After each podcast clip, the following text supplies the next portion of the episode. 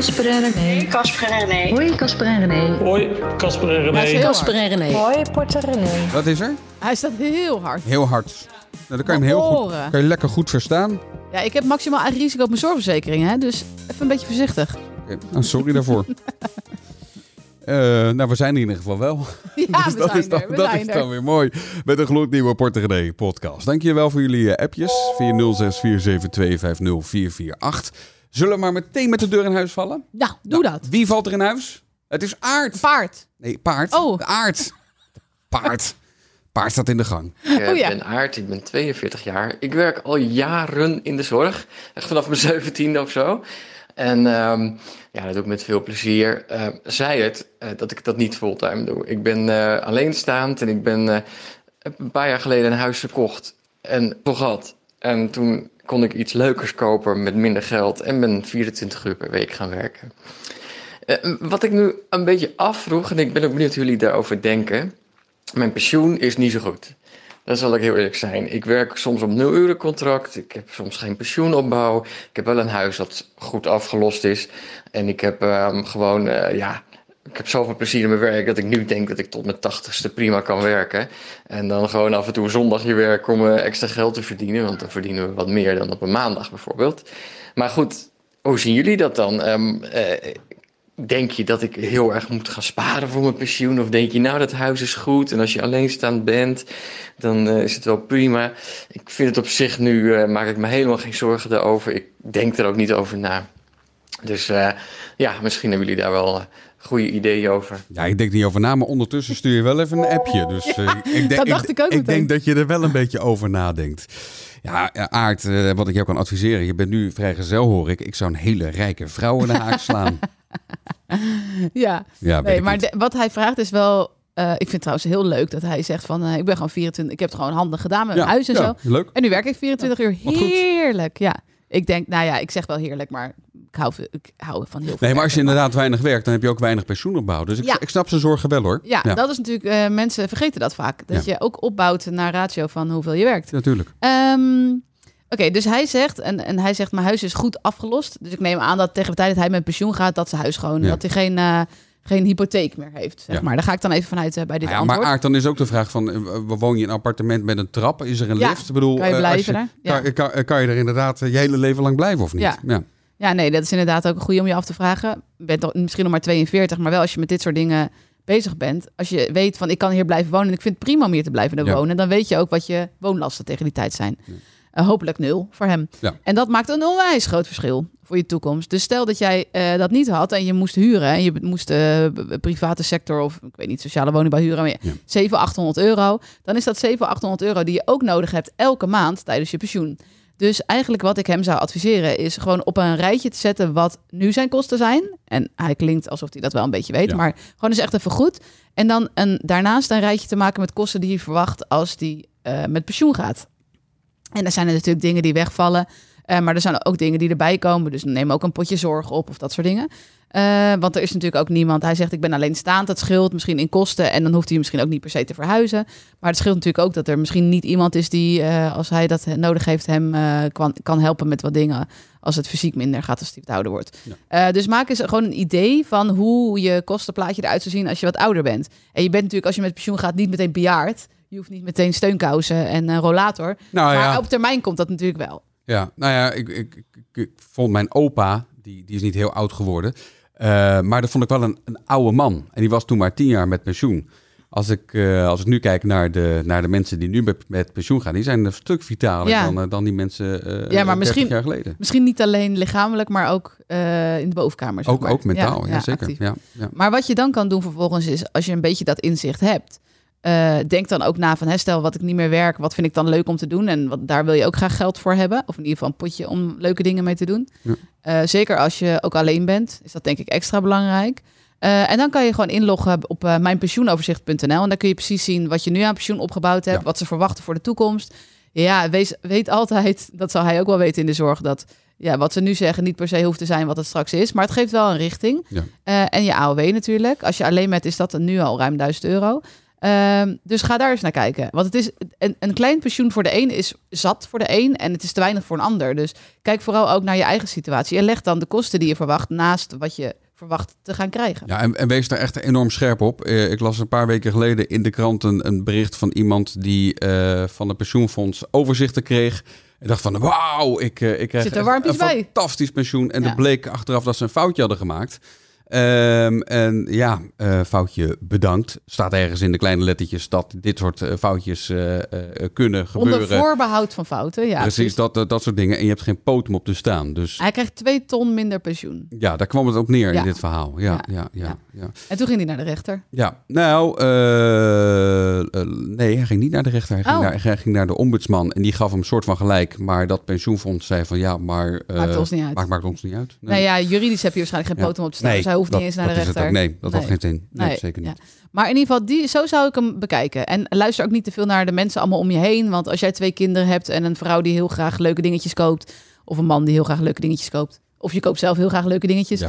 dan heb je weer een ander bedrag nodig dan in jouw situatie. Is ook zo. Ehm Aard nog eventjes. En nog even over die shampoo bars. Dat doe ik dus al jaren.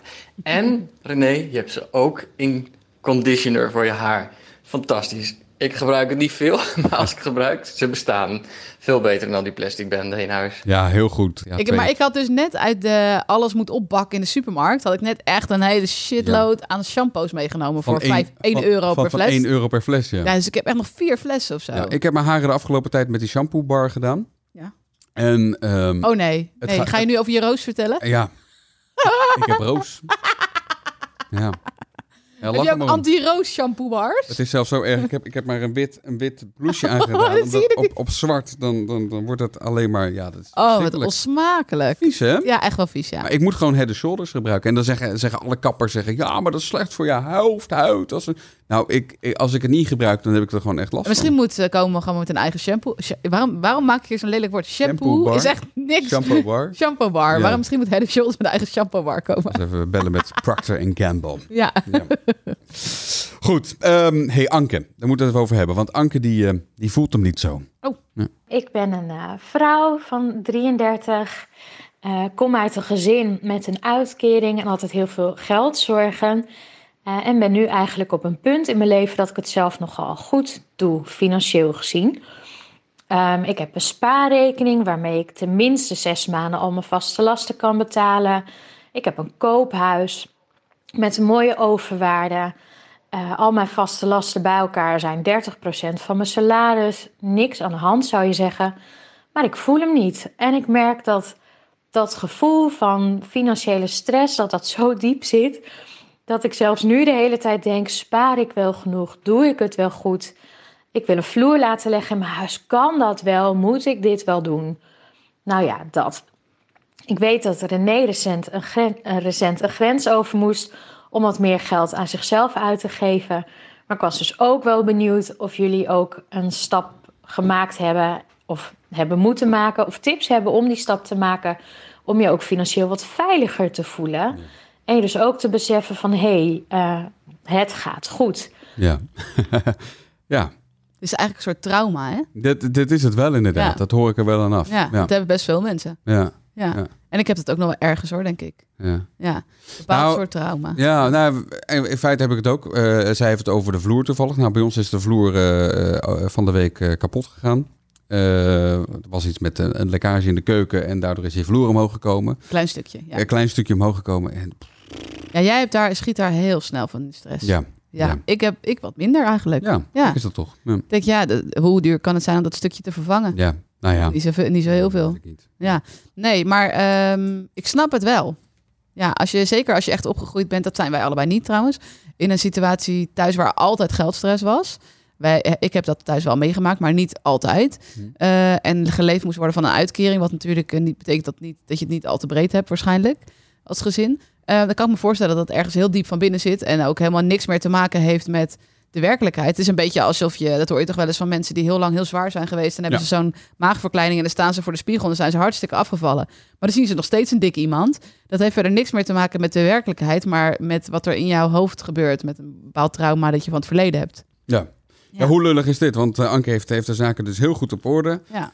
Maar toch, toch Ja. blijft dat sluimeren. Blijft dat in Nou je ja, hoofd ik denk dat, spoken. dat je twee dingen kan doen. Ik denk dat je praktische, sommige praktische zaken kan doen. Dus je kan bijvoorbeeld, nou ja, eh, neem onze money planner bijvoorbeeld en schrijf gewoon echt goed op eh, wat je uitgeeft. Ja. Dat, je, dat, dat is fijn hè, om te zien.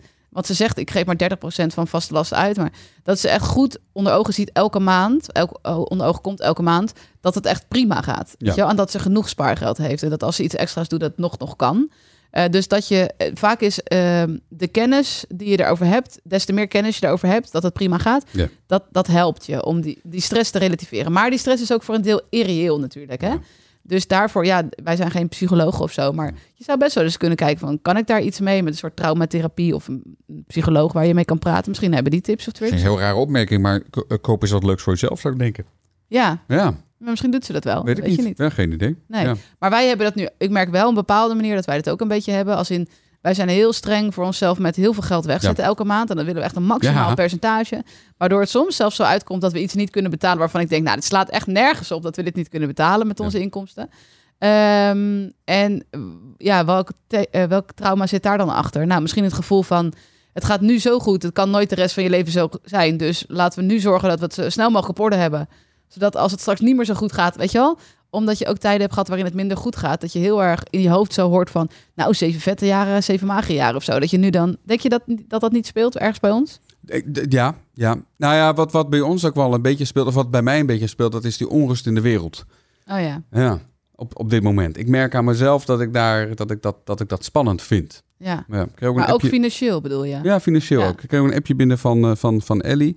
Eh hoi Casper en René, ik ben ook heel erg voor eh, hypotheek aflossen. Ben lekker bezig. En zat ineens zo te denken, wat nou als er een derde wereldoorlog Hm. uitbreekt? Ja, je weet nog nooit. En je huis wordt plat gegooid. Is het dan niet beter om nu alles even in goud te beleggen dan, dan, je, dan je huis af te lossen? Ja, ja, ja. Dit soort gedachten heb ik ook wel Ja. gehad hoor. Maar dit zijn paniekgedachten, hè? Dit zijn duidelijk Ja, paniekgedachten, inderdaad. En ik herken ze wel. Ja. Stel nou dat jij eh, nu verjaagd wordt uit je, uit je land of zo. Of, I don't know. Hè, er kunnen gekke dingen gebeuren, weten Eh, en dat huis heb je helemaal niet meer. Er zit al je geld zit daarin. Ja. Maar aan de andere kant, ja. Ik, ik vind het ook moeilijk hoor om hierop te reageren. Want ik ken de toekomst ook niet. Laten we wel wezen, de kans dat dit gebeurt is vrij... zeg maar, eh, eh, de kans dat je de loterij wint is groter. Daar heb ik ook geen lot van. Nee. Dus ja, mm, ja, ik weet niet zo goed wat ik hierop moet zeggen. Behalve dan dat de kans dat jij je leven doorloopt terwijl dit niet gebeurt. En je de hele leven plezier hebt van een afgelost huis. Nog, oh sorry jongens, ik heb mijn telefoon eh geluid. Ik ga hem nu meteen uitzetten. Ehm, dat die wel echt aanzienlijk groter is natuurlijk dan Ja, dat er zoiets gebeurt. Ja, is ook zo. Ja, je huis je ontnomen wordt of, eh, of je moet vluchten of, of zoiets. Dus ja, laten we wel ook reëel blijven. Goed. Eh 06 472 50 448. Porte René eh, WhatsApp nummer is dat. Carlijn die heeft er gebruik van gemaakt. En Carlijn die kan privé en zakelijk moeilijk gescheiden houden.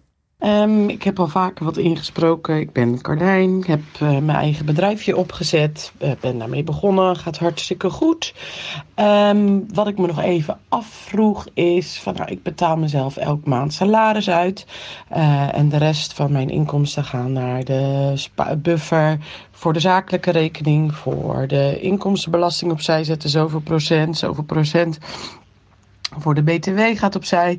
Maar dan hou ik altijd op de zakelijke rekening toch nog wel een redelijk bedrag over.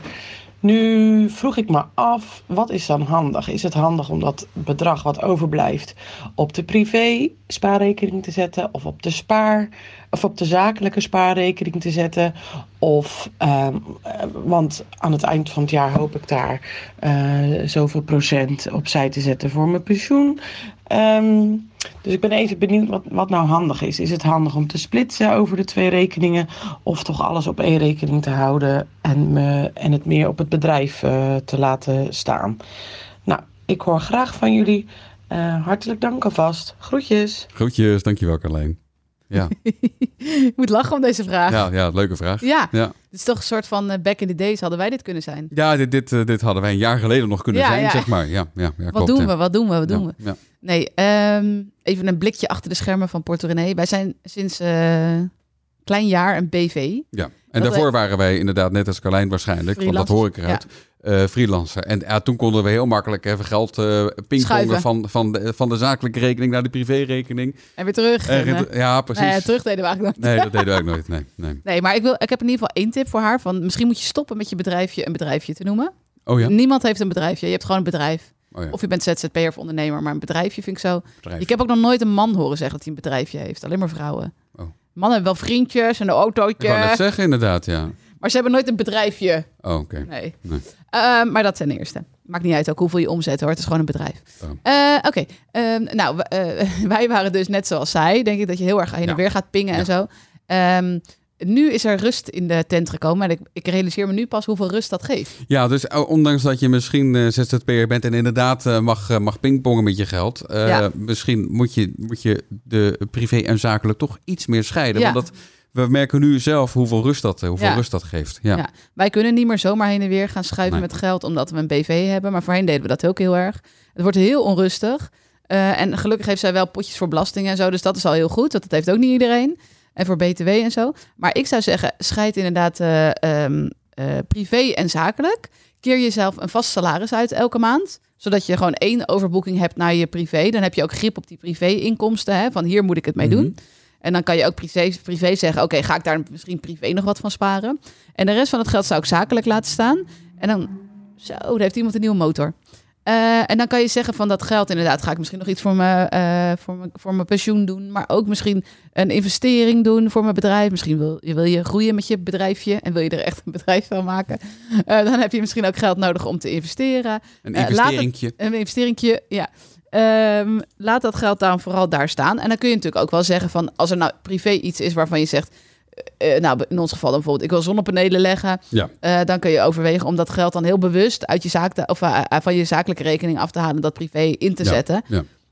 Ehm, maar door dat zo te doen... krijg je heel veel meer rust zakelijk. Want je weet dat je zakelijk ook gewoon spaargeld hebt. Precies. Ja. Ehm, en eh, je krijgt meer rust privé... omdat je daar heel gewoon makkelijk met een vast salaris Ja. kan werken. Nou ja, goed, op, op den deur is spreiden natuurlijk ook, ook wel goed. Want je zit met, ja, ik weet eh, niet met, hoeveel... Ja, maar met bepaalde grenzen en dat soort dingen allemaal. Ja, maar dan moet je wel een flink bedrag op Dat je, rekening hebben staan. Ja, klopt. Ja. Dan ga je negatieve rente betalen. Maar eh, je kan dus zeggen inderdaad van ik hou gewoon, ik heb gewoon zakelijk ook een spaarrekening en daar zet ik ook gewoon geld in. En aan het eind van het jaar kijk ik, oké, wil ik iets aan mijn pensioen doen? Wil ik een, daar gaat je pen, Eh, wil ik een investering doen? En misschien wil ik wat privé opnemen. Dat je dus eh, het opnemen van je zakelijke rekening, de drempel daartoe iets verhoogt. Waardoor je dus niet de hele tijd elke maand dat gaat lopen doen, maar gewoon echt bewust denkt van oké, is, is, het is nu het eind van het jaar, ga ik, wil ik nog bepaalde dingen en ga ik daar wat zakelijk voor opnemen. Dat zo zou ik het doen. Heb je wel eens een eh, tussenpersoon gehad? Ja, eh broer, ja, ja. We hebben nog steeds een Ja, tussenpersoon. tussen- ja, Ja. klopt inderdaad. Voor onze verzekering inderdaad. Nee, die hebben we niet meer. Die verzekering die hoorde bij het huis en we hebben bijna geen hypotheek meer. Dus de enige verzekering Oh, ja, met een weg, tussenpersoon die we hadden, die is opgezegd. Ja, dat is waar. Ja. Dat hebben we niet meer. Ja, er heeft iemand heeft een eh, tussenpersoon. Oh, oké. En die heeft erover geappt. nou Ja. vertel maar. Ik heb een vraag voor jullie en ik hoop dat jullie me daarmee kunnen helpen. Ik heb een arbeidsongeschiktheidsverzekering afgesloten via een tussenpersoon bij ASR, waar ik overigens heel blij mee ben, maar dat, eh, daar gaat de vraag niet over. Ik moet nu maandelijks 15 euro betalen als een soort abonnement aan het bedrijf van de tussenpersoon. Eh, maar ik heb hier nooit iets voor ondertekend en het hoort volgens die tussenpersoon bij de service. Ik betaal dit voor het geval er iets aangepast moet worden ehm, aan de verzekering of als ik vragen heb over de verzekering. Nu vind ik 180 euro per jaar best wel veel geld voor iets waar ik nou nog geen gebruik van maak. Eh, de verzekering is namelijk al afgesloten. En ik vroeg me af, mag dit zomaar? En wat zou er gebeuren als ik dat opzeg? Niet de verzekering, maar dat abonnement. Stopt dan mijn verzekering en moet ik het dan direct bij ASR zelf afsluiten? Ik ben super benieuwd wat jullie me hierover kunnen adviseren. Alvast bedankt. Groetjes, Roos. Dag Roos, dankjewel. Ik heb ook last van Roos. Heb je last van Roos? Dat vind ik niet zo aardig om te zeggen. Nee, Nou, een het, andere Roos. het, het Ehm, eerste wat ik meteen denk is, eh, direct afsluiten bij ASR kan niet. Je kan ASR-verzekering, wij werken natuurlijk met ASR samen, want zij Ja. doen heel veel ook op duurzaamheid, waar wij ook best wel... Er, er moet altijd een tussenpersoon tussen zitten. Ja, maar niet elke tussenpersoon rekent een abonnementsfee. Nee, nee. Nee. Ik, heb, eh, ik heb even gemaild. Eh, ik probeerde te bellen, maar Chris is niet te pakken. Dus ik heb een mailtje gestuurd naar Verbond van Verzekeraars. Met deze, van met, deze, met deze Kwestie. kwestie. En ze zeggen, ja, het is een individueel geval. Daar kunnen we niet, niet iets algemeens over zeggen. Eh, misschien eh, kan je naar eh, je tussenpersoon gaan, kan je het aanvragen. Je kan aan, het, aan, aan de verzekeraar kan je het vragen. Ja, In dit geval kan je, ASR. kan je een ASR kan je het vragen. Ehm, en kom je daar niet uit, dan kun je altijd nog naar de autoriteit Financiële Markten. Mm, Ja. Oké, dat is wel heftig. Ja. Ja. Maar nee, jij vroeg eerder van hebben wij wel eens een verzekering gehad via een tussenpersoon? Ja, maar we betaalden niet een, een abonnementsfee voor als we een keertje belden. Nee, maar Nee. dat was nog in, in, de, in de oude tijd, waarbij ehm, de. Ik, nou, ik, volgens mij was het vroeger zo dat de verzekering die tussenpersoon eh, betaalde. Ja, dat klopt. En- Vroeger kreeg de tussenpersoon inderdaad betaald vanuit de verzekeraar of de premie werd iets aangepast waar hij ook een deel van kreeg of zoiets. Ja, En dat was natuurlijk ondoorzichtig en niet Ja. transparant. nee.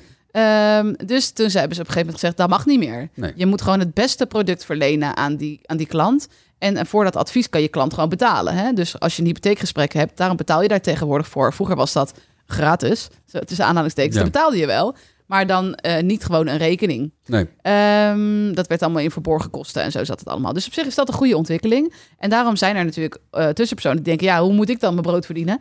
Eh, behalve die ene afspraak. Nou, dan laat ik ze gewoon een abonnement We betalen. doen een abonnementje. Ja, want ja, als jij eh, acht keer per jaar gaat belten, bellen over die verzekering... en daar krijgen zij geen geld voor... dat is natuurlijk wel lastig voor je bedrijf. Want ja. hoe ga je, dan moet je dus iemand aannemen bij de telefoon... die de vragen kan beantwoorden, maar eigenlijk krijg je geen inkomsten eruit. ja. Ja, nee, ja, dus eh, er zijn adviseurs die dat zo doen. Het lijkt me wel zo dat zij daarvan op de hoogte had moeten zijn... op het moment dat ze dat aangaan. Dus Ja, waar staat dan... dat zou ik eens even gaan opzoeken... waar staat dan dat ze daarmee akkoord is gegaan? Ja, en vraag het ook als je, als je inderdaad Ja. met een tussenpersoon werkt. Van, van Zijn er hoe, hoe, willen jullie, hoe willen jullie verdiend worden? Moet ik jullie eenmalig betalen? Of, of, Ja, is, er, of is er wat, aan of, of abonnement? is er wat anders inderdaad? Ja. Ja, Ehm, dus ik zou hier toch even in gesprek mee gaan met die tussenpersoon. Joh, waar staat dat ik hiermee akkoord ben gegaan? Eh, kan ik hier vanaf? En als eh, je daar niet de antwoorden krijgt die je nodig hebt, kan je misschien nog rechtstreeks met ASR's kijken of je contact kan krijgen. Van jongens, ik wil die AOV. Ja, want dat is haar vraag inderdaad. Van, stel je voor, ik zou dat abonnementsgeld niet betalen. Eh, Is, geldt mijn verzekering dan nog wel? Nou, lijkt me heel sterk. ja, Maar ja, wij zijn niet. geen juridische helpdesk. Wat je ook nog kan doen, is natuurlijk even het juridisch loket vragen. Ja. Dat is gewoon gratis. Ja. Eh, die hebben daar ook wel een antwoord op voor je, denk ik. Ja. Ehm, maar ik vind het wel apart. Ja. Maar in ieder geval voor haar goed om te weten dat het niet overal zo is. Ja. Ik bedoel, Nou, sorry, ik, ik had gehoopt dat ik bij eh, het verbond, van- eh, bij, bij Verbond van Verzekeraars toch een duidelijk Duidelijker antwoord, antwoord kon antwoord, geven dan, dan dit. Maar ik kreeg dit dat mailtje binnen. Ehm, dus ja, ehm, vraag het gewoon. En je Ja. kan het aan, aan verschillende mensen kan je dus ken- kennelijk vragen. Vraag het aan die tussenpersoon, vraag het aan die verzekeraar. Ja, vraag ook aan die tussenpersoon. Van, Ja. joh, ik zit niet te wachten op dat abonnement. Ik heb ook geen behoefte om hier nou drie keer per jaar over te gaan je bellen. kan ook zeggen, mag ik het afkopen? Ja, nou ja. dan- ja, ja. zijn we maar vanaf. Kan natuurlijk ook. Ja, ik weet ja, het niet. ik weet het niet. Ik ben daar nooit zo van. Maar, Ik ook niet. eh, maar vraag dan ook van, joh, als ik van het abonnement af wil, waar, laat me zien waar ik daarvoor getekend heb. Waar zijn we dat overeengekomen? Jij hebt mij dat niet, blijkbaar niet duidelijk verteld. Wat ze natuurlijk wel hadden moeten doen. En als ik daar, als ik daar vanaf wil, eh, wat, wat zijn de gevolgen voor mijn verzekering? Ja. Nou, vervelende situatie in ieder geval. Dat is zo. Eh porterenee.nl, de komende tijd op, eh, op de website. eh, hebben we natuurlijk eh, dinsdag het kasboekje van. En dan is eh, Petra aan de beurt. Petra ging van botox naar de bijstand. Ja, Ja, Nou, een typisch verhaaltje eh, had het allemaal goed voor elkaar totdat de relatie klapte. En, ehm, en toen eh, moest ze aan de slag om het financieel voor haarzelf weer op orde te krijgen. En ehm, ja, daar, daar is ze nog niet helemaal. Nee. Maar eh, ze werkte wel heel hard aan. Dus dat vind ik wel heel goed van haar. En bij dat kasboekje zit ook een videootje van jou. Zeker. Ik heb weer gereageerd op het kastboekje met wat tips en tricks. Die niet alleen voor eh, Petra handig zijn, maar ook voor ieder ander die het leuk vindt om dat te lezen en te luisteren en te kijken. Eh, zondag, iedere zondag hebben we, hebben we een interview. Ehm, ja, dit is er eentje die Ja. kan jij boven je bed hangen. Hoor. nou, kom maar door, vertel maar. Nou, het gaat dus over een stel. Ja, Eh, het, gaat, het is net alsof het een verzonnen verhaal is, maar Nee. we hebben natuurlijk iemand geïnterviewd. En Ja. er staat ook foto bij van het stel. Ehm, en die hebben hun huis in Nederland verkocht. ja, Met overwaarde. Ja, Mhm. Het biedt mogelijkheden tegenwoordig. tuurlijk. En die zijn naar Portugal gegaan. Oh, wat leuk voor ze. En daar hadden ze al een, een tijdje terug een heel klein huisje. Of ik weet niet eens of het heel klein is, maar een bescheiden huisje van 40.000 euro gekocht. Oh, leuk. Er moest van alles aan gebeuren. Leuk dakterrasje erbij en zo. En eh, toen zaten ze daar op een avond lekker aan een wijntje. Ja, ik, ik, ik breng je even lekker in de sfeer. Mhm. Lekker aan een wijntje. Toen zeiden ze tegen elkaar... "Maar waarom gaan we eigenlijk niet gewoon hier wonen? Wat een goed idee. Hebben ze een huis verkocht en zijn ze daar naartoe gegaan. Nu zijn ze nog volop aan het opknappen. Ik zeg er wel even bij, het zijn jonge mensen zonder kinderen en dat soort dingen. Dus ze zijn zo vrij als een vogel. Oh ja.